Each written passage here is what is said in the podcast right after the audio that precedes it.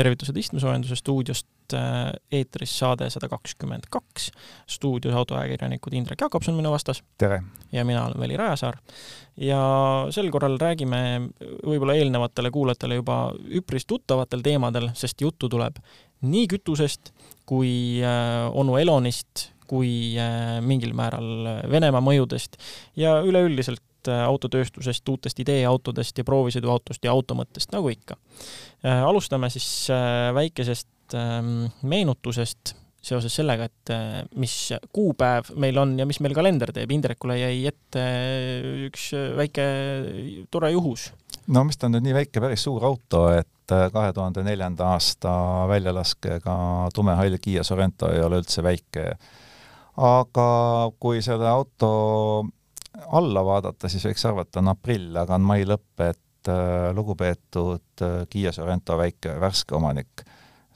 kes omandasid auto tänavu märtsis, palun vaheta naastrehvid suverehvide vastu. kui suverehve võtta pole, võta kruvikeeraja ja kisu naastud välja no see ei ole soovitav lahendus, aga on parem ikka, kui asfalti lõhkuda. jah, praeguseks on juba natukene mannetu tõesti seda asfaldi üles kiskuda, seda tolmu õhku paisata ja nii edasi. et ei ole väga meeldiv ja noh, mulle kusjuures ei ole nüüd naastudega autosid või siin pikalt ette jäänud, et selles mõttes ongi üllatav, et sul niimoodi õnnestus. no sõitis minu ees, eks ole, päris pikalt äh, juhil oli kapuuts peas, ma arvan, et see ilmselt vähendas äh, naastude krõbinat tema jaoks, aga teistel ei ole ju kapuuts peas, teised kuulevad seda kõike järgmiseks räägime nädalanumbrist ja üllatus-üllatus, see on kütus. jaa, et äh, selleks on kaks koma üksteist ja loomulikult seda ei ole raske ära arvata, mis see on. et äh, vahepeal oleme saanud sellise väga ebameeldiva rekordi ära näha Eesti kütustes, tegi siis kütuse hinnad uue ajaloolise rekordi kaheksateistkümnendal mail maksis bensiin üheksakümmend kaheksa, kaks eurot ja üksteist senti ja sellisel juhul maksis ka üheksakümmend viis oktaanarvuga bensiin kaks eurot ja kuus senti ja diiselkütuse eest küsiti üks kaheksakümmend kolm mind huvitab nüüd see, mis toimub äh, meie ennustatud turismimagnetiga ehk Pärnuga, millest eelmises saates juttu oli. iganädalaselt kontrollin, hind on täpselt sama, üks kaheksakümmend viis eurot kilogramm. et äh, jätkuvalt tulge kõik suve pealinna gaasi tankima, mitte elektrit, viimasega on kitsas, kiirlaadijad on järjest rohkem hõivatud nägin ise, kuidas mitmed inimesed tulid, sõitsid laadija juurde, vaatasid ja väga pika näoga läksid ära, nii et äh, ma arvan, et laadimine on praegusel hetkel kuum teema, järjest kuumemaks muutub, sest elektriautosid müüakse tunduvalt rohkem, kui uusi laadijaid tekib. aga mis meil üldse siin selle kütusega nüüd äh, viimase aja lõikes toimunud on? See on ikkagi päris suur hüpe, sa isegi arvutasid selle meile tänaseks saateks välja. jah, et äh, tegelikult kui vaadata aasta algusest, siis äh, pisut vähem kui viis kuud on möödas ja kütusepaagi täitmine on kallimaks läinud kolmkümmend viis ja pool protsenti ehk et äh, rohkem kui kolmandiku. ja kuna tavapäraselt arvestatakse, et viiskümmend liitrit on paak või mis sinna läheb, siis seda tähendab, et kakskümmend seitse eurot tuleb rohkem välja käia ja samas äh, ka Brenti naftabarrel, millest me hakkasime Ukraina sõja ajal nagu alguses väga palju rääkima, siis ega see on tegelikult pendeldanud saja dollari ümber, praegu ta on pisut rohkem, aga selles ei ole midagi erilist, sest tegelikult äh, kütusehinnad sõltuvad hoopis rohkematest asjadest. et kui me vaatame natuke üldse, mis siis seda turgu ja hindasid mõjutab, me rääkisime paar saadet tagasi, et USA on otsustanud oluliselt oma varusid vähendada. on hüsteerikuid, kes kurdavad, et mis nüüd kohe saab ja Ameerika jääb kuivale, noh, esialgu seda näha ei ole. teiseks, äh, mis siiapoole suurt lompi nagu välja ei paista, on see, et USA ja Venezuela suhted on tegelikult paranemas ja ilmselgelt sealtpoolt Venezuela on ikkagi väga suurte naftavarudega riik. et sealtpoolt hakkab tulema OPEC jätkuvalt on otsustanud tootmist suurendada ja lõppude lõpuks äh, väga ebameeldiv, aga kütuse pakkumise kohalt soodne on see, et Ungari ju jätkuvalt jonnib Euroopa Liidu sanktsioonide vastu. mis nõudlust veavad üles, on see, et hooaeg algab, äh, ajalooliselt on alati ju suvel bensiinikulu olnud äh, suurem kui diiselkütuse kulu et noh, kõik võiks nagu hästi olla, aga probleemid. OPEC ei taha tegelikult tootmismahu tõstmisega kaasa tulla, nad ütlevad, et lubame küll. aga Saudi Araabia naftaminister esines eelmisel nädalal lausa pahase statement'iga, et te olete meile siin kogu aeg aastaid rääkinud, et nafta kaob kohe ära ja seda ei ole vaja ja ja nüüd korraga paari kuu pärast tahate hoopis pakkumist suurendada, et sõbrad, nii see asjad ei käi ja teine häda on selles, et Iraaniga need suhted kuidagi ei õnnestu ja Iraaniga embargo jätkuvalt püsib, läbirääkimised Ameerikaga käivad, aga need ei suju. no selles muidugi suurt õnnetust ei ole, sest Hiina ostab selle nafta kogul ära, nii et meid see eriti ei mõjuta. aga mis on need äh, apsakad sealjuures, on see, et äh, Hiina koroonapiirangud on siiski seda nõudlust alla tõmmanud, tänu sellele ei ole meil ka siin suuri selliseid hüppeid olnud, kui oleks võinud oodata ja kõige selle peale ütles Vene asepeaminister Novikov, et ei ole vahet, kas Euroopa Liit ostab naftat või mitte, kas Ungari kehtestab siis embargo või jonnib, sest keegi ostab selle nafta ikka ära ja müüb lihtsalt kallimalt edasi. eks seal ole natuke ärplemist, aga eks selles ärplemises ole pisut tõetera sees ka. no vaadates, kui palju äh, materjale siiamaani, metalle Venemaalt tegelikult tuleb, lihtsalt mingeid äh, X teid ja mitmeid äh, juriidilisi kehasid läbides, et noh, asjad käivad, äri käib ikka edasi lõppkokkuvõttes üle meie peade, hoolimata sanktsioonidest, et äh, et noh, eks mingi, mingi tõetera tõesti kindlasti on. ja ega seda kõige rohkem ei kardetagi, vaid kardetakse tegelikult seda, et kui praegu nõudlus tõuseb, äh, pakkumine tuleb siis järele, aga peljatakse ju maailma majanduse langusse minekut ja siis ei ole seda naftat küll enam kuskile panna aga nüüd üks uudis kodumaalt, äh, äh, kes nõudlust tõenäoliselt ei tõsta, on äh, peamiselt E kaheksakümmend viite tarbivad driftijad, kes täna siis Saku Suurhalli parklas selle parkla väga kenasti täis suitsutasid ja tegid show'd rahvale, suur meediapäev, ta ei ole küll driftihooaja avamine päris, see toimus juba seitsmendal mail esimese võistlusega aga ta on selline üritus, mis peaaegu igal aastal kusagil maikuu lõpupoole toimub, eelmine aasta oli Laitse rallipargis, täna siis Saku Suurhallis. kas see nagu on siis võistlus või ei ole? ei, ei, ei ole võistlus, see on, ongi meediapäev, niisugune tore üritus, kus äh, tulevad kohale erinevad driftijad oma autodega, teevad harjutustiirud, neil on rada üles pandud, äh, räägitakse autode kohta, räägitakse võistluskalendrist ja siis äh, võetakse ka ajakirjanikke ja muidu soovijaid siis kaasasõitudele oma kõrvale. Sain ka täna täitsa kaasa sõita ja oli jälle kord muhe elamus, kuigi ma üldiselt olen seda teinud, et ma istun lihtsalt kõrval ja naudin, siis täna ma ikkagi tegin seda, et ma sain kaks sõitu teha, et ühe olin niisama kõrval ja nautisin ja teise siis ikkagi võtsin telefoni, üritasin jälgida ka, sest tegu oli tandemsõiduga ja teine auto oli hästi lähedal, siis oli hea, hea kähku pilti püüda, et Acceleristas on väike nupukene selle kohta üleval, sealt leiab selle videokese ka üles. kas neid üritusi on nagu tulevikus oodata teisi ka, et kui, kes nagu täna see maha magas, et noh, takkajärgi on kahju lugeda ja kuulata, et äh, teaks, millal jälle tulla, et kas plaanis on? No hea küsimus selles mõttes, et äh, vastus on, et äh, in a long enough timeline, jah, kindlasti, tõenäoliselt järgmisel aastal, et neid meediapäevasid, nii palju kui mina olen kutseid saanud, ikkagi üldiselt on siin hooaja alguse poole. ja siis, siis ongi täpselt see, et näed, võib-olla mõnel on uus auto, näiteks, näiteks täna oli see, et Kevin Pesur kes äh, omal ajal, tegelikult juba vist viis või kuus aastat tagasi, alustas äh, no ikka verinoorelt, ta oli vist äh, kas kuueteistaastane, kui ta mingeid esimesi võistlusi kinni pani. Temal näiteks oli täna nüüd valmis uus pro-klassi võistlusauto. ja omakorda oli üks teine kuueteistaastane võistleja, kes siis alustab street-klassis võistlemist ja noh, driftis siis Eestis on see progressioon on street, semi-pro ja pro-klassid, kõigil siis erinõuded. et tema siis alustab sõidabki seal nii-öelda kõige väiksemas, kõige aeglasemate autodega tänavaklassis ja üldiselt see on noh, progresseeruvadki kõik. ja see juht, kelle kõrval mina kaasa sain sõita, temal oli ka suhteliselt ikkagi veel Äh, noh, äh, kui sisse istuda, siis ikkagi nagu nii-öelda tänavavalmiduses autot, oligi ainult hüdrokäsipiduri kang püsti ja noh, enamus interjööripaneele olid veel alles ja kõik, et midagi nagu väga erilist seal ei olnud. aga lihtsalt praegu tekib niisugune põnev küsimus, et esiteks, kas kõik need autod, mis äh, sa seal nägid sõitmas ringi ja milles ka õnnestus eesistuda,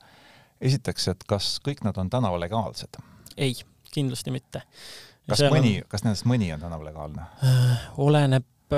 oleneb tõenäoliselt sellest, kui hea platvorm on endale nagu valitud, üldiselt Eestis äh, ikkagi võetakse, ehitatakse BMW-sid äh,. teoorias sa saad jah niimoodi, et sa paned tänavalegaalse poolpuuri sisse, on ju, või turvakaare, noh, nii palju kui mina mäletan, siis hüdrokäsipidurid vist pole lubatud tegelikult meil tänavale, aga see on jällegi lahendus, mida noh, vast kuidagi saab äh, lahti ühendada, eemaldada, kui tarvidus äh,, kuigi on ka masinaid, millel täiesti nagu tavalise käsipiduriga võiks õnnestuda asjade tegemine. et äh, kindlasti on võimalik teha street-klassis võistlemises ka tänavalegaalne masin, aga enamus neist on ikkagi ainult võistlustel kasutamiseks. nii et seal oli hulk autosid ja hulk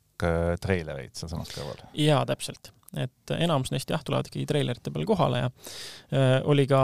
vana hea T kaheksakümne viie laulu kuulda, ehk siis äh, mõnda autot tuli mitu korda järjest käivitada, sest et alguses ei taha, ei taha siis äh, metanool kohe käivituda esimesest pöördest, on ju, et äh, aga, aga hääled ja asjad kõik mõnusad ja see on noh, drift ongi ju show ala, et mida rohkem jõudu on, mida rohkem auto paugub, mida rohkem rehvisuitsu on, siis üldiselt ka seda kõrgemad punktid võistlussõitudel, kui see sõidutäpsus ka sealjuures olemas on, on ju, et ta on hästi nagu selline subjektiivne ala, mida hinnata. Äh, paljudele mootorispordi entusiastidele ta sel põhjusel just südamelähedane ei ole, et noh, hästi subjektiivne. aga no kuramus, äge on seal ikkagi niimoodi kõrval olla. iluuisutamine on ka väga subjektiivne. noh, absoluutselt. et äh, noh, ongi, ega, ega see drift ei ole ka muud kui Tšaikovski asfaldil, on ju. ja palju seal autosid kohal oli? Noh, täna oli vist mingisugune, ma ei tea, kümne ja viieteist vahel on võib-olla kümme, üksteist, kaksteist, midagi sinnakanti mm. -hmm. ja noh, ja ikka kõigist klassidest, et oligi äh, kõige nii-öelda siis drifti mõistes jõuetum oli üks umbes kahesaja hobujõuline kaheliitrine vabalt hingav äh, BMW, mis sai väga hästi ja täpselt oma sõitudega ikkagi, ikkagi hakkama. ja seal ka profimad, kes kommenteerisid, ütlesid, et noh, et tegelikult ongi sellise väikse võimsusega auto autoga täpselt sõitmine ja pidevalt külje ees hoidmine vajab tegelikult vähemalt sama palju, kui mitte rohkem oskust kui äh, pro-klassi äh, selleks ehitatud ülivõimsa driftimasinaga, millel on sul kõik esirataste suuremat pöördenurka võimaldavad komplektid paigaldatud ja mingisugused, nii et sul seal silla geomeetria ikkagi enam-vähem on optimaalne ja noh, ühesõnaga, väikse võimsusega autoga driftimine seal, see on, see on ka igatepidi respekti väärt ja lõpetuseks, kui palju üks selline driftiauto maksab, et hakkame sellest noh, kõige viletsamast kahesaja hobujõulisest, kui kakssada on vilets, pihta street-klassis ja pro-klassis niisugune korralik Eesti mõistes tippauto, et mis nad maksavad?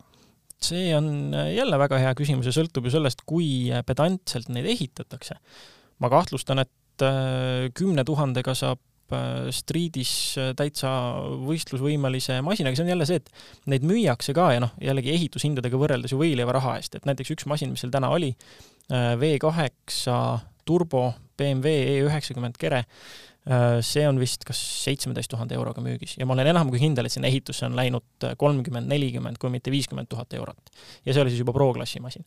et need, need võimsamad ja võistlusvõimelisemad masinad on ikkagi jah, kindlasti sinna juba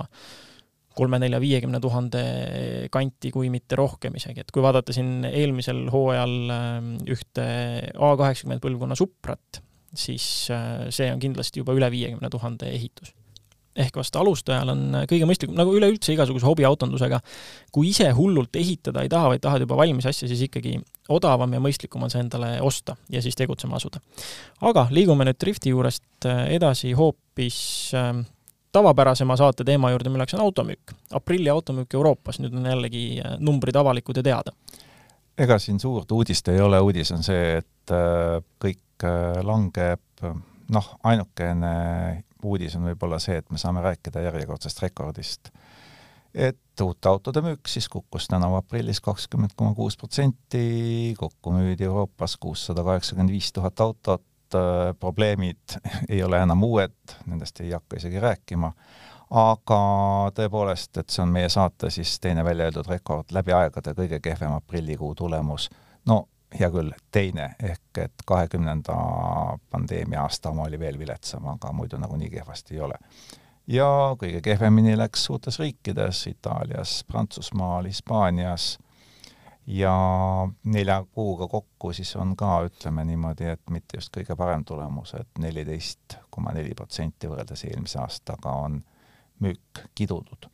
mis on sellise jahtuva majanduse ja kõigi muude jamade kõrval täitsa normaalne ja loogiline tulemus. nüüd aga vast iganädalaseks rubriigiks saav nädala Elon, et äh,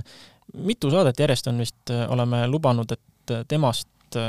onu Elon Muskist ei räägi, aga iga kord rohkem enam ei luba. kogu aeg annab ta mingisugust põhjust endast ja oma tegevustest jälle rääkida, mis ta siis nüüd see nädal teinud on? No ta on kõva häälega arvanud et, et kakskümmend viis protsenti tema kallist tulevasest unistusest Twitterist teevad botid. ehk mis on bot, bot on lühend kahest sõnast robot network, et see tähendab lihtsamas keeles küberkurjategijate poolt kontrollitavat või üle võetud arvutite kogumit, mis siis kasutaja või vaese omaniku teadmata pahatahtlikke taustategevusi teostavad, et kui sina vaatad pahaaimamatult Netflixi või teed oma koolitööd või muid igapäevaseid toimetusi, siis arvuti samal ajal saadab näiteks massiliselt päringuid mõnele lehele või lihtsalt rumalaid emaile kuskile. et äh, kuna selliseid äh, võrgustikke, halbu võrgustikke on päris palju, siis onu Elon arvab, et äh, need võtavad lausa veerandi Twitteri postitustest et ühesõnaga botid siis postitavadki mingit jurasisu ja? jaa, ja botid tunnevad ära, et see on selline koht, kuhu tuleks nüüd jälle mingit jama postitada, Elonile see ei meeldi ja tema arvab, et äh, Twitteri väärtus on ju seetõttu ka kakskümmend viis protsenti väiksem, mis omakorda tähendab, et ta peaks ka ülejäänud Twitteri eest kakskümmend viis protsenti vähem maksma. ja noh, ega siis äh, nüüd ei olegi midagi enam teha, et äh, vaatame, mis saama hakkab, aga Äh, võib-olla saabki Elon Twitteri kakskümmend viis protsenti odavamalt kätte, aga no Teslaga võrreldes on Twitteris ikka asjad veel hästi, et praegusel hetkel ta kaupleb niimoodi kolmekümne seitsme dollari juures, aga see on praegu veel ja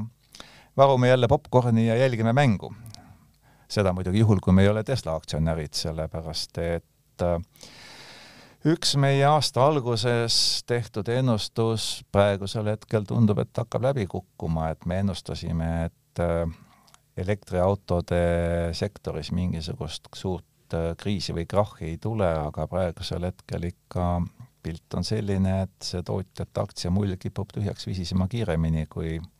tehnoloogiasektoril üldiselt, et kui Elonit ikka teatakse peamiselt Tesla järgi, siis Tesla aktsia on praegu juba märtsi lõpust üle kolmekümne viie protsendi kukkunud, kui vaadata Ameerika kõige laiapõhjalisemat indeksit, siis see on ainult neliteist protsenti ja Nasdaqi tehnoloogiaindeks on läinud ainult kakskümmend protsenti. Teslal läheb kehvemini kui tehnoloogial keskmiselt, see juba näitab, et asi on hapu, aga sügiseni on veel aega, varume popkorni, jälgime mängu, tweet'e loetakse sügisel nüüd võib aga võtta ette nädala ideeauto. eelmises saates sai seda õrritatud küll, ehm, sellepärast et tegu oli nädal aega tagasi veel embargo all olnud äh, asjaga, ma ei tohtinud üldse sellest midagi spetsiifilist rääkida. nüüd aga võib äh, öelda, mida ma siis Pariisis nägin, millelt katte tõmmati. tegu oli Renault ideeautoga Scenic, äh, Scenic Vision täpsemalt. et siin tasub meenutada, et üheksakümne esimesel aastal esitleti Frankfurdi autonäitusel siis esimese reaalsuseks saanud Renault Scenicu idee versiooni. ja see oli no selline muljas hästi oma aja kohta uuenduslik masin, sain ka seda Pariisis näha ja selles, kusjuures ma tegingi selle story meie Akselerista Instagrami, et oli seal igasuguseid huvitavaid lahendusi, muuhulgas siis näiteks peeglite asemel kaamerad, sees mingisugused juhti jälgivad heaolumonitorid, mm, seal oli hästi ägedalt käivad uksed, mis tõenäoliselt olid inspiratsiooniks Renault Avantime'ile või noh, nii-öelda prototüübiks või eellaseks ja kusjuures veelgi absurdsemat, absurdsema mehhanismiga kui Avantime omad ja see oli siis selleks nii-öelda eelmänguks sellele Scenic Visionile, millest siis kõrvalruumis, kat-, millelt kõrvalruumis kate tõmmati. et tegu on siis jah, tõsi, ideeautoga, ta põhineb Renault Megane E-Techi põhjal. Äh, viienda, oleme nüüd täpselt viienda põlvkonna omal. jah, ja sama platvorm, millel põhineb ka näiteks Nissan Aria, ja sellele platvormile tehti siis säärane masin, mis äh, kogub endas kokku nüüd äh, Renault kui brändi siis lubatud järgneva, noh, üleüldse lubatud tuleviku lähenemised, ka just siis materjali kasutusele, keskkonnasäästlikkusele, liikumisele kui sellisele, et tegu on täiesti sõitva prototüübiga või sõitva ideeautoga, tal on lisaks sellele, et ta on elektriajamitega, tal on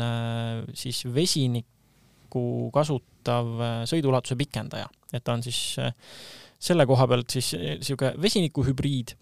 ja see peaks siis ju, just nagu maha võtma seda sõiduulatuse hirmu ja vajadusel siis sa saad seda vesinikupaaki kiiremini täita, kui seda akupakki laadida. akupakk on sama, mis Megane E-Techil neljakümne kilovatt-tunnine, noh, Megane E-Techi siis nii-öelda väiksem versioon. aga samas ta pakub äh, justkui sama sõiduulatust, mis äh, siis suurema akupakiga masinad. Äh, mis tal nüüd välimuse mõttes huvitavat on vastakuti käiva, lahti käivad uksed mõlemal küljel näiteks. ja nüüd siis sellise eripäraga, et neil ei ole piilareid, ei ole, puuduvad B-piilarid. et see on nagu hästi selline avatud ja noh, mõlemalt poolt, kui sa need uksed lahti teed, siis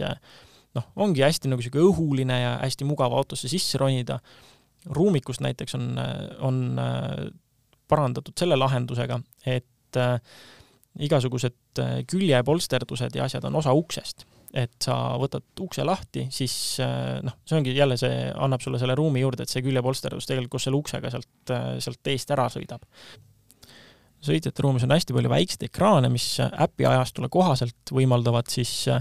igale poole panna kasutajatele sobivad, meeldivad rakendused, äpid, mis iganes asjad või panna, kuvada lihtsalt mingit informatsiooni sinna, niisugused tillukesed ruudukülgsed ekraanid, mida saab siia-sinna keerutada. Üks suurem ekraan on ka, see on tuuleklaasi all ja see on põhimõtteliselt siis loob niisuguse läbipaistva nina illusiooni, et see näitab pilti, mis auto ees toimub ja laiendab seda vaadet veelgi. Äh, seal on mingisugused ägedad sõit, esiistmete seljatugedes olevad turvapadjad, mis äh, tagaistujad peaksid kuidagi mitme külje pealt toetama õnnetuse korral, äh, seal oli noh, materjalide kasutus on see põhiline asi, millele muidugi rõhuti, et seal on igal pool mingisuguseid taaskasutatud plaste, kangaid, isegi taaskasutatud süsinikkiudu. Äh, põrandaplaat oli tehtud mingisugusest äh, segust näiteks ja see on meelega siis noh, ka välja näidatud, et see on selline taaskasutatud segu. et sa näed juba nagu välimusest ära ja siis seal olid mingisugused templid peale löödud veel ja kõik asjad. näiteks sõitjate ruumis ei kasutatud erinevaid mingeid värvipigmente, vaid sellist huvitavat materjali hoopis, mis valgusega pihta saades siis äh, erinevaid värvi, noh, äh, siis äh, lendab laiali erivärviliseks valguseks, et need pinnad on muutuva värviga põhimõtteliselt ja samas seda siis mingisuguseid nii-öelda keskkonnavaenulikke pigmente kasutamata. et noh, ühesõnaga selle auto puhul tahetaksegi öelda, et nii, meie Renault nüüd oleme siis veel keskkonnasäästlikumad ja keskendume siis sellele keskkonnaprobleemile mitte ainult selle, sellest vaatest, et noh, et elektriautondus, vaid ikkagi ka materjalid ja noh, kogu see nii-öelda tervikpilt, on ju, ja pluss siis sõitjate turvalisus ja kogu see asi ja mugavus sinna juurde kui ma seda juttu nüüd kuulen, siis äh, noh, olles ka eelnevalt lugenud seda sinu kirjutatud lugu ja pisut juurdegi, äh, ma sain jah,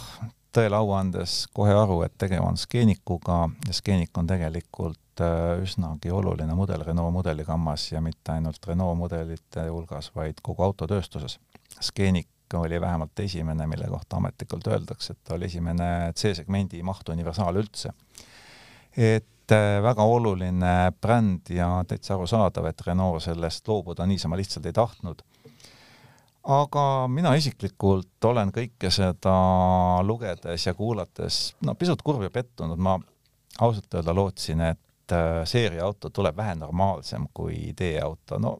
noh, ütleme nii, et kui sa ei noh, seda me ju saame näha, on ju. seda me saame näha, meil on kaks aastat aega, aga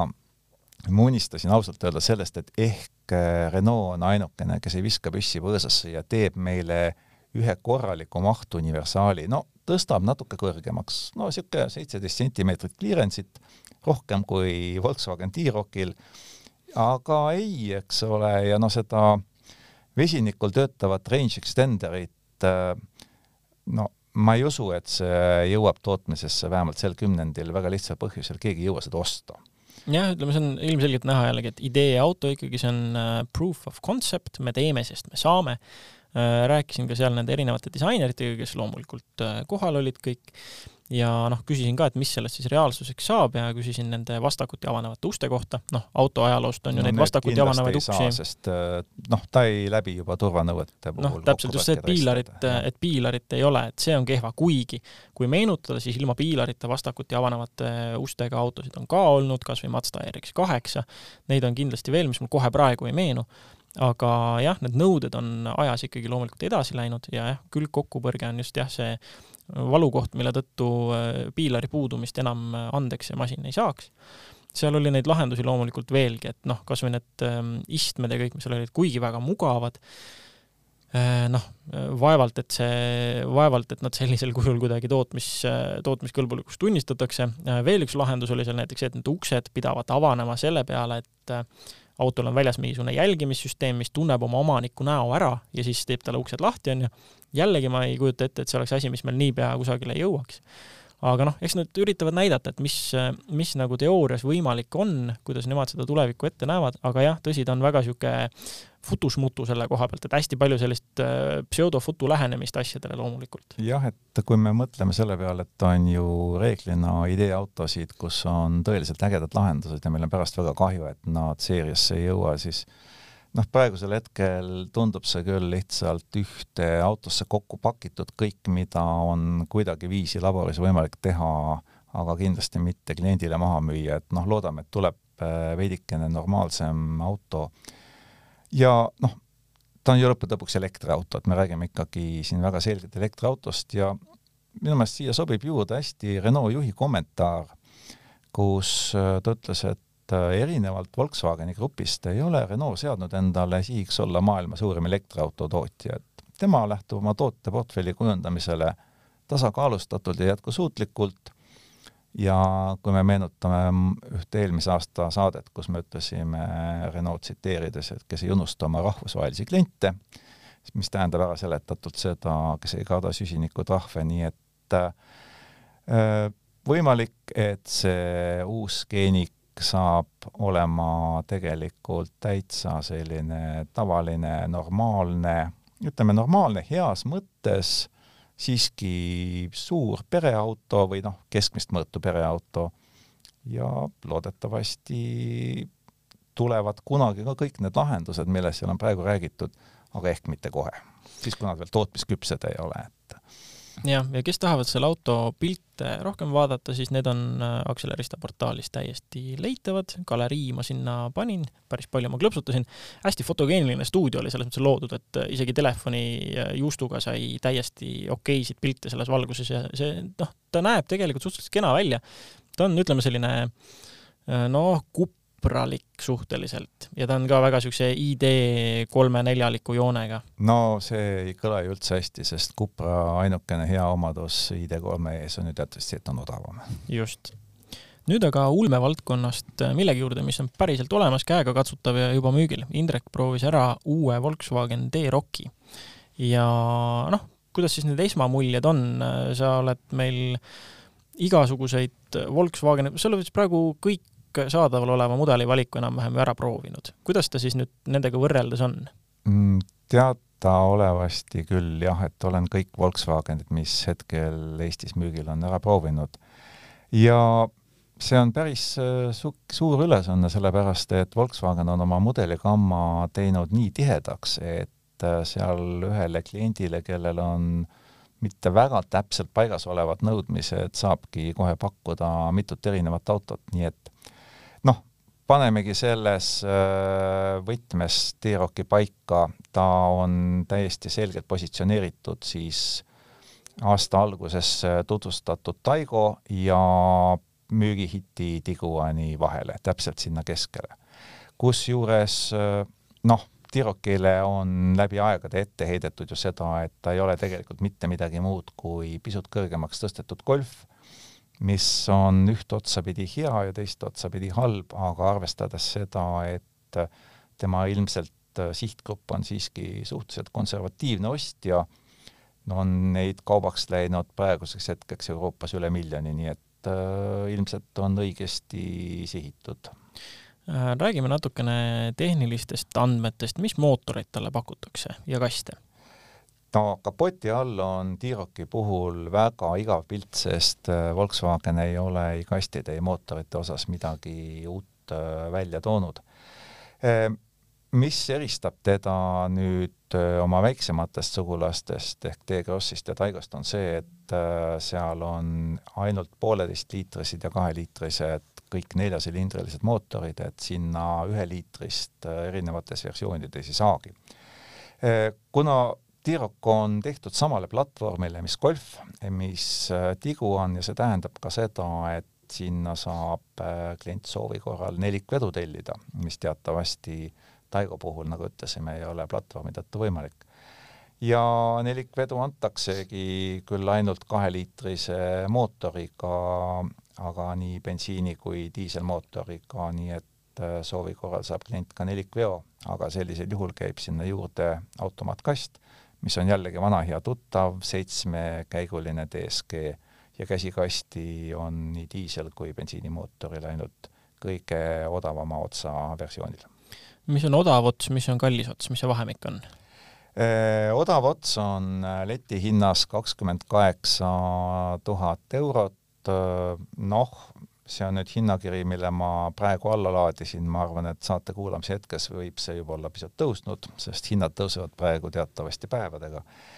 ja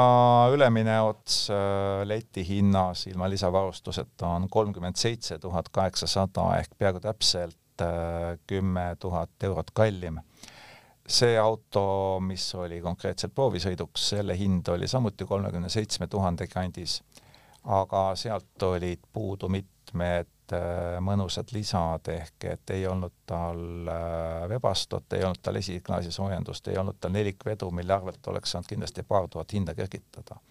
aga kui hindadest rääkida, siis äh, kohe võrdlus konkurentidega täpselt samale platvormile ehitatav Tiguan täpselt samas varustuses, võtsime võrdlevad pakkumised on üsna täpselt viis tuhat eurot kallim, nii et see on kliendile esimene valik, et kas ta tahab kakskümmend sentimeetrit rohkem ruumi, noh, ja ka loomulikult rohkem külje- ja pearuumi või pisut vähem ja selle hind on viis tuhat eurot. aga kuidas äh, ruumikusega oli T-Rockis siis, kas sa tundsid kusagil millestki puudu? ruumikusega oli täpselt niimoodi, et äh, minu jaoks oli see auto auto nagu oleks ümber minu ehitatud, ehk et täpselt selle suuruse peale. ja siit tulevad nüüd välja need kriitilised detailid, et kui Golf näiteks on ka, me räägime viimase põlvkonna kaheksandast, kaheksanda põlvkonna Golfist, kui esiiste keskmise Eesti mehe järgi paika reguleerida, siis selle taha enam eriti palju ei mahu. jah, saab inimese panna, aga õhem portfell mahub, pisut paksem seljakott enam ei mahu ehk et golfil on juhi taga pisut vähem ruumi, T-Rockil täpselt parasjagu. loomulikult äh, Tiguanis on tunduvalt rohkem, nii et see panebki ta täpi pealt sinna golfi ja Tiguani vahele samal platvormil. et ruumi on täpi pealt nii palju kui vaja, pea ei käinud vastu lage, kusagil mingisugust ahistavat äh, sellist klaustrofoobilist tunnet ei tekkinud, samas ruumi kusagil üle ei ole, ehk noh, väga täpselt parasjagu. Kuidas sõitjate ruumi materjalid olid ja noh, kui palju see nüüd varieerub siis ka sõltuvalt sellest, kui palju sa maksad? no hakkame sellest pihta, et ega tegelikult äh, neli aastat toodetud autot äh, on hästi pisut noh, ütleme, kogu see mudeli värskendus, mudeli uuendusest ei saa siin mingil juhul rääkida, on väga kosmeetiline. et kui Volkswagen ise ütleb, et muudetud ongi ainult äh, sisemust ja juhi abisid, siis äh, noh, lisaks erinevatele tuledele, siis täpselt nii see on. Äh,. sisemuses on nüüd äh, jah, see juhi ees olev ekraan on alati elektrooniline, füüsilisi kellasid enam ei saa. Ja sisemus on muutunud pisut tasakaalukamaks, oli selgelt näha, et äh, kui see mudel välja tuli, T-Roc, siis asi oli pisut üle võlli ja see plast karjus ega plasti on sama palju, aga see toon on natukene rahulikum, nii et selles mõttes eh, sisemus on muutunud tasakaalukamaks ja see on ainult hea. Äh, mainisid juhiabisid, aga ma hüppan nendest kohe multimeedia, infolusti juurde, kuidas äh, kuidas seal nüüd on, ergonoomika ja see osa, et äh, kas jälle on mõttetult palju asju peidetud äh, ainult ekraani taha või on nuppe ka või kuidas seal olukord? ma ei saa juhi abidest üle hüpata, ma pean ikkagi need korra ära mainima. no nii. ma olen täiesti Volkswageni reklaamijutuga nõus, et juhi abisid on täiestatud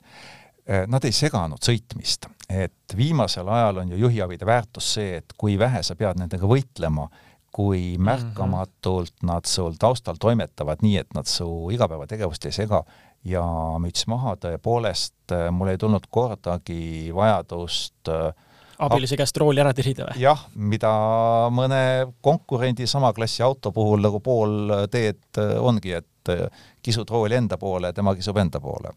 ja muide ka golfi puhul, äh, sellesama kaheksanda seeria golfi puhul, see ei osanud ennast tihtipeale sõiduraja vahel üldse ära mahutada, Tiirok oskab seda kenasti, nii et jah, juhiabide osas on suur muutus paremuse poole toimunud, nad ei sega sind enam, vähemalt igapäevaselt, kui sul ei ole ohtu. Aga kui multimeediast rääkida, siis äh, seal samamoodi mingeid äh, muudatusi ei ole, et äh, vana hea tuttav ekraan kaheksatolline kahe nupuga, kõige praktilisem, toimetab hästi, puutetundlik, loogiline, midagi seal ette heita ei ole, ära proovitud ka päris mitu aastat see lahendus. alumine osa, kliimaseadme pool on kahjuks läinud äh, digitaalseks selles mõttes, et seal on, tulevad liugekraanid, mis töötavad ütleme siis liugekraani kohta hästi. Ehk et saab täitsa kliimaseadet reguleerida, ei peagi viis korda taguma ja vanduma. Ja ka roolil olevad nupud, mis on puutetundlikud, noh, töötavad ka täitsa hästi. midagi ei, ei hangunud, ei jäänud kinni? ei, nad olid täiesti kasutatavad, loomulikult äh, reaalne füüsiline nupp on võrratult parem, äh, noh, see kasutusmugavus on, erineb kordades, aga ma sain hakkama, noh, sellise liugele või asja kohta on täitsa hea tulemus. nii, ja sõiduelamusest, sõidukogemusest, kas on midagi, mis äh, karjub silma, kõrva, häirib, meeldib või on, on ta niisugune täiesti keskpärane, tavaline Volkswagen, Škoda, Volkswagen AG üleüldse? aga mõtleme, kes on sihtgrupp. selle sihtgrupp on see kõige keskmine, üldse mitte halvas mõttes,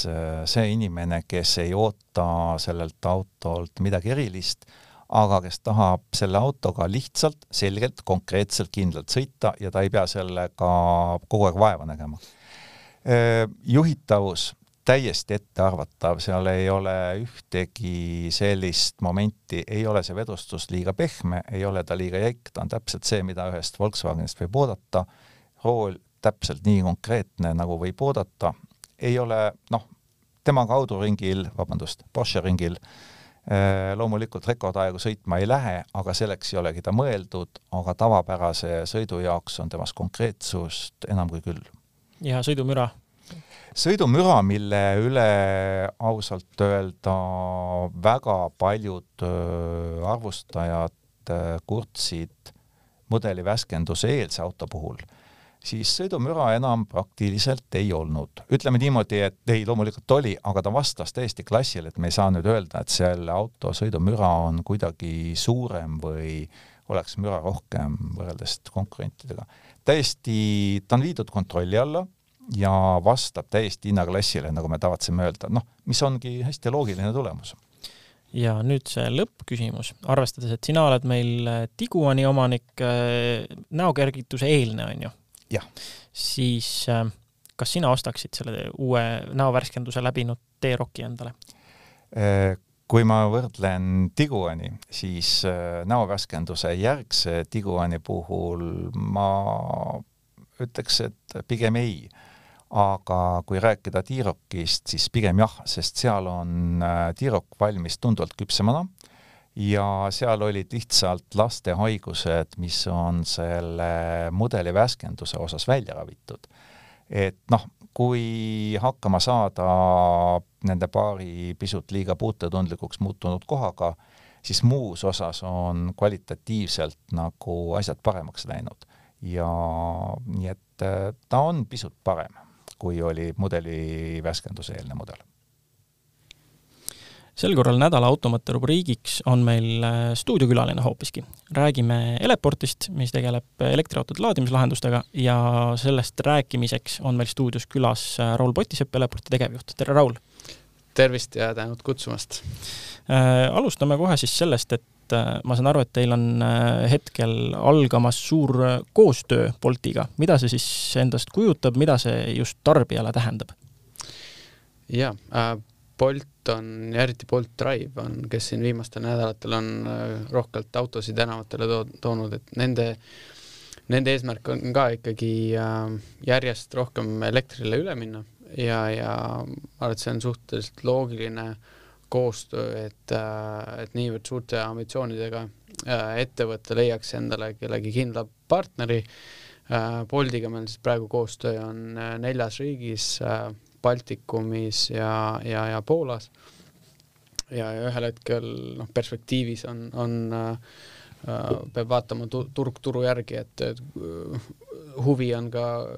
laieneda, laiendada seda koostööd, aga aga mida see kliendile tähendab, on see, et ühelt poolt äh, Eleporti soov on, on äh, siis Boltil äh, aidata elektrifitseeruda siis äh, lihtsamalt, ehk siis äh, Äh, neil oleks kindlus olemas, et, et laadijad on ja tulevad ja just sellised laadijad, mis, äh, mis neile sobivad, et äh, siinkohal ma kohe ütlen ära, et, et me ei, ei, me ei raja eraldi võrgustikku ainult Bolti autodele, et ikkagi me rajame laadimistaristut, mille äh, siis üks suur klient äh, on, on Bolt mm, -hmm. aga, aga laadijad kui sellised on, on avalikud. sa ütlesid, et teie põhiline tegevus on laadimistaristu loomine Äh, räägime nüüd paar sõna laadimistaristust ja laadimise hindadest. Äh, kõigepealt sellest, et palju teil üldse avalikke laadijaid on, opereeritavaid ja mis on lähiajal tulemas, missuguseid, mis tüüpi, kus kohta ja kui palju? no räägime nii aasta-paarisest perspektiivist mm. -hmm Äh, ja täna meil on laadimistaristus äh, koos äh, Läti laadijatega, siis Eestis ja Lätis on, on kahes riigis on aktiivsed laadijad, neid on kuskil sada nelikümmend, sada viiskümmend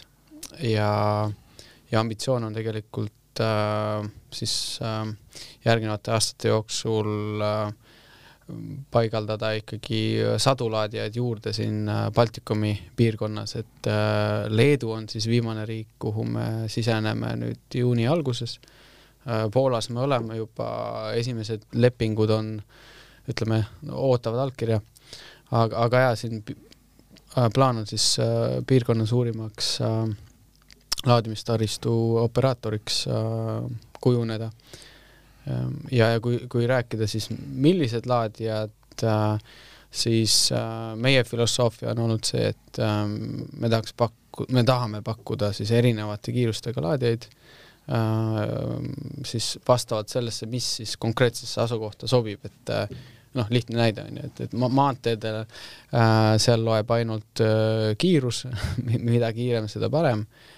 samas linnas on väga palju erinevaid äh, juhtumeid, kus, äh, kus täpselt kiir-, laadimise kiirus või laadimise võimsus olenebki sellest, kui kaua inimene siis veedab konkreetses asukohas aega. kas see tähendab siis seda, et meil on tulemas niinimetatud aeglasi või poolkiireid vahelduva vooluga avalikke laadijaid, mida Eleport opereerib? no ma pean silmas just selliseid äh, suuri parklaid, kus on äh, pikemaajalised kasutused, haiglad, ülikoolid, kus on hästi palju inimesi, hästi palju, aga ollakse ka mit, päris mitu tundi paigal, et kas äh, sellised väikese võimsusega laadijaid tuleb sinna ka? jaa, mingi osa kindlasti tuleb ka siis jah, vahelduvoolulaadijaid äh, mis see, mis see osa saab olema, see sõltub täpselt nendest äh, konkreetsetest asukohtadest muidugi, aga aga jah, näiteks äh, esimese haiglaga me teeme juba koostööd äh, siis Lääne-Tallinna, vabandust, Ida-Tallinna Keskhaiglas, siis on meil äh, kakskümmend äh, laadijat äh, täpselt selliseks juhuks, et kes, kes päeval veedab aega haiglas, saab seal autot laadida, veedab aega või töötab Äh, või siis õhtul ka äh, inimesed, kes siis elavad äh, seal lähedal piirkonnas, et et see ei ole ainult nagu haigla, aga, aga on mõeldud ka lähedal olevatele inimestele, kes saavad seal autosid parkida ja, ja, ja ka laadida kui jutt oli nüüd maanteedest, siis noh, arusaadavalt, et CCS on uus standard ja pigem ma küsin vastupidi, et kas te kavatsete mõnda Tšademo standardiga laadijat ka kunagi kuhugi lisada veel või see on ajalugu? Ja he hetkel, kui on selline suurem, suurem laadimissait või asukoht, kus meil on mitmeid kiirlaadijaid kõrvuti, et seal, seal on suund see, et, et ilmselt üks jääb ikkagi Shademaga, aga, aga siis ülejäänud siis on, on ainult kahe CCS kaabliga, et need asukohad, mis on nagu ühe laadijaga, nende osas me, me oleme võtnud sellise äh, üleminekustrateegia, et, et sellel aastal ilmselt paigaldame ikkagi veel koos äh, Shademaa kaabliga, aga järjest, järjest vähem ähm,, järjest vähem Shademaad on, on vaja, sest äh, noh, nagu teada, siis isegi ka Nissan, kes oli viimane Shademaa niisugune suur kasutaja, siis äh, uus Nissan Aria on, on ka ju CCS-iga, et ähm, oleme teadlikud sellest trendist ja kindlasti arvestame, jah sa rääkisid nüüd näiteks ühe laadijaga laadimiskohtadest. Äh, kas koostöö Boltiga võib tähendada seda, et see noh, mõndades sellistes kohtades nähtav järjekord venib veelgi pikemaks, et kas Bolti autod näiteks hakkavad saama mingisuguseid äh, ütleme siis laadimise eeliseid või eelisjärjekorda või midagi säärast? me,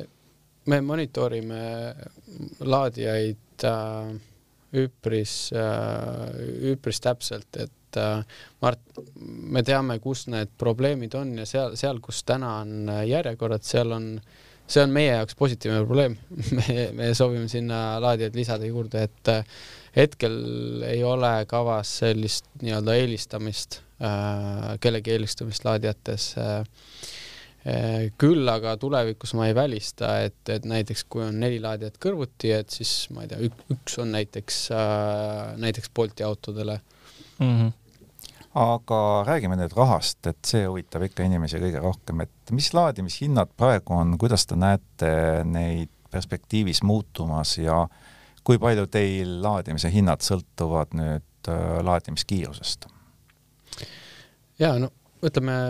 viiskümmend kilovatti kiirlaadija, mis on selline, ütleme, kesk, keskmine toode meie portfellis, et et selle hind on täna kolmkümmend senti kilovatt-tund Äh, ta oli enne, enne siis sügist äh, elektrihindade tõusu oli kakskümmend neli senti, nii et nüüd, nüüd on ta noh, natuke omajagu tõusnud, et äh, ma ütlen ausalt, see on, see on Eleporti jaoks on ka just see volatiilsus, hindade volatiilsus, see on, see on parajalt peavalu valmistanud, et meil ähm, tulevikus äh, ilmselt saab olema, see, see hinnastamise teema, see on tegelikult, see on lõputu teema, sellest võib mm -hmm. jäädagi rääkima, et seal on, seal on võimalik hinnastada minutipõhiselt, on võimalik alustada, alustustasu, ajatasu, et et kuidas kõige paremini ähm, kuidas kõige paremini hinnastada ja kui, kuidas sealt nagu maksimaalselt äh, kasu saada ettevõtte jaoks, sellega me hakkame, hakkame tõsisemalt äh, tegelema. aga aga, aga noh, eks äh, fikseeritud hinnaga elektrilepingud, ma arvan, et need on need, mis äh,, mis toovad äh, tarbijale ja kliendile stabiilsust, hinnastabiilsust, et ähm, aga seal on ka, ma ütlen, seal on lisaanalüüsi vaja, et et kas kliendid soovivad stabiilsust või siis äh, just äh, nii-öelda nutikat äh, seda volatiilsuse ärakasutamist, ehk mm. siis just äh, näiteks kui elektri hind on väga odav kas me siis peaks selle nagu kulu edasi või vabandust, äh, madala elektri hinna äh, ja soodsa laadimishinna edasi kliendile pakkuma või mitte, noh, ma arvan, et kindlasti peaksime, peaksime mm -hmm. sinnapoole ka vaatama, et pakkuda neid paindlikke pakette no te ei ole börsiettevõte, selles suhtes võite natukene oma tulevikuplaane avada, et kus siis on need järgmised kohad, kuhu tulevad äh, värsked kiirlaadijad ja kus on need kohad, kus me võime loota järgmisi vahelduvooluga laadimise kohti? Äh, jah, ei, ei ole börsiettevõte, et neid äh, ma en, enne ei julgeks midagi lubada, kui meil on tõesti, on kopp maas ja, ja laadija on, on paigas, sest et meie, kuueaastase tegutsemisperioodi jooksul on olnud ka juhtumeid, kus äh, kõik on, äh, kõik on sõlmitud, kõik on tehtud, aga, aga viimasel hetkel ilmneb ootamatuid takistusi, et aga üks koht, kus, kus meil äh, Äh, minu teada paigaldustööde ettevalmistused käivad, äh, mis, mis su väga-väga suure tõenäosusega läheb lukku, on äh, Viljandi keskuse, vabandust, Uku keskus Viljandis, kuhu tuleb siis saja kilovatine ähm, laadija. ja, ja, ja suuremates linnades on veel neid asukohti, aga, aga ma ei julgeks enne, enne jah, neid avada, kui, kui, kui asjad on nagu sada protsenti kindlad aga nüüd on selline küsimus, et natuke unistame, millal tuleb äh, ristkasutus, et ma ei viitsi ausalt öelda kolme-nelja kaarti kaasas kanda, et meil on juba praegusel hetkel, meil on Eleport, äh, Alexelal on oma kaart, äh, Enefit Volt, siis on mul igaühe äpp veel telefonis, et millal saab niimoodi, et mul on üks makselahendus telefonis, üks magnetkaart rahakoti vahel ja siis ma saan igal pool laadida, mis ette jääb konkreetselt äh, täna on, on äh, näiteks Alexela ja Eleporti vahel on see ristkasutus juba toimib, et see, see on selline teema nagu, nagu roaming, mis on ka mobiiliseadmetest väga tuttav, et et see on täiesti olemas uh,. miks Enefit Volt ei ole seda kasutanud, ma ei oska öelda uh,. küll aga Eleport on vahetamas siin uh, mai lõpus, juuni alguses oma laadimistarkvara uh, ja sellega seoses äh, see roaming funktsionaalsus meil ajutiselt äh, kaob ära, aga, aga see on kin-, see on üks prioriteet, mis me kiiresti tahame tagasi saada, et, et äh, oleks seesama ristkasutuse variant mitte ainult Eestis, aga ka lähiriikides ja lähiriikide operaatoritega. kas see tähendab seda, et mul on Alexela kaardiga siis võimalik tankida Eleporti laadijas ja vastupidi? mõlemat pidi töötab ja,? jah, jah ja. Kuigi jah, seal on äh, neid tasusid äh,, roaming tasusid ei ole praegu Euroopa Liidu tasandil ära reguleeritud, see tähendab seda, et, et sa pead juurde maksma, aga noh, ma usun, et äh, inimesed on äh,, vähemalt mina olen selle mugavuse eest nõus ekstra juurde maksma. ja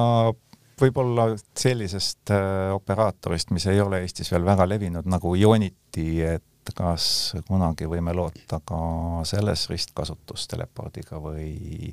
mis äh, koostööplaanid teil nendega on, kui on? Ionity veel mai lõpuni Eleporti kaardiga saab äh, laadijates äh, laadida ka, aga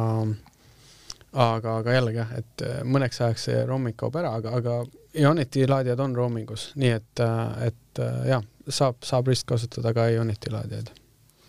Eleportist rääkis meile lähemalt tegevjuht Raul Potisepp, äh, stuudios olid autoajakirjanikud Veli Rajasaar, Indrek Jakobson, selline oli meie saade järjekorranumbriga sada kakskümmend kaks. aitäh kõigile kuulajatele, aitäh, Raul! ja tänud teile! Kuulmiseni!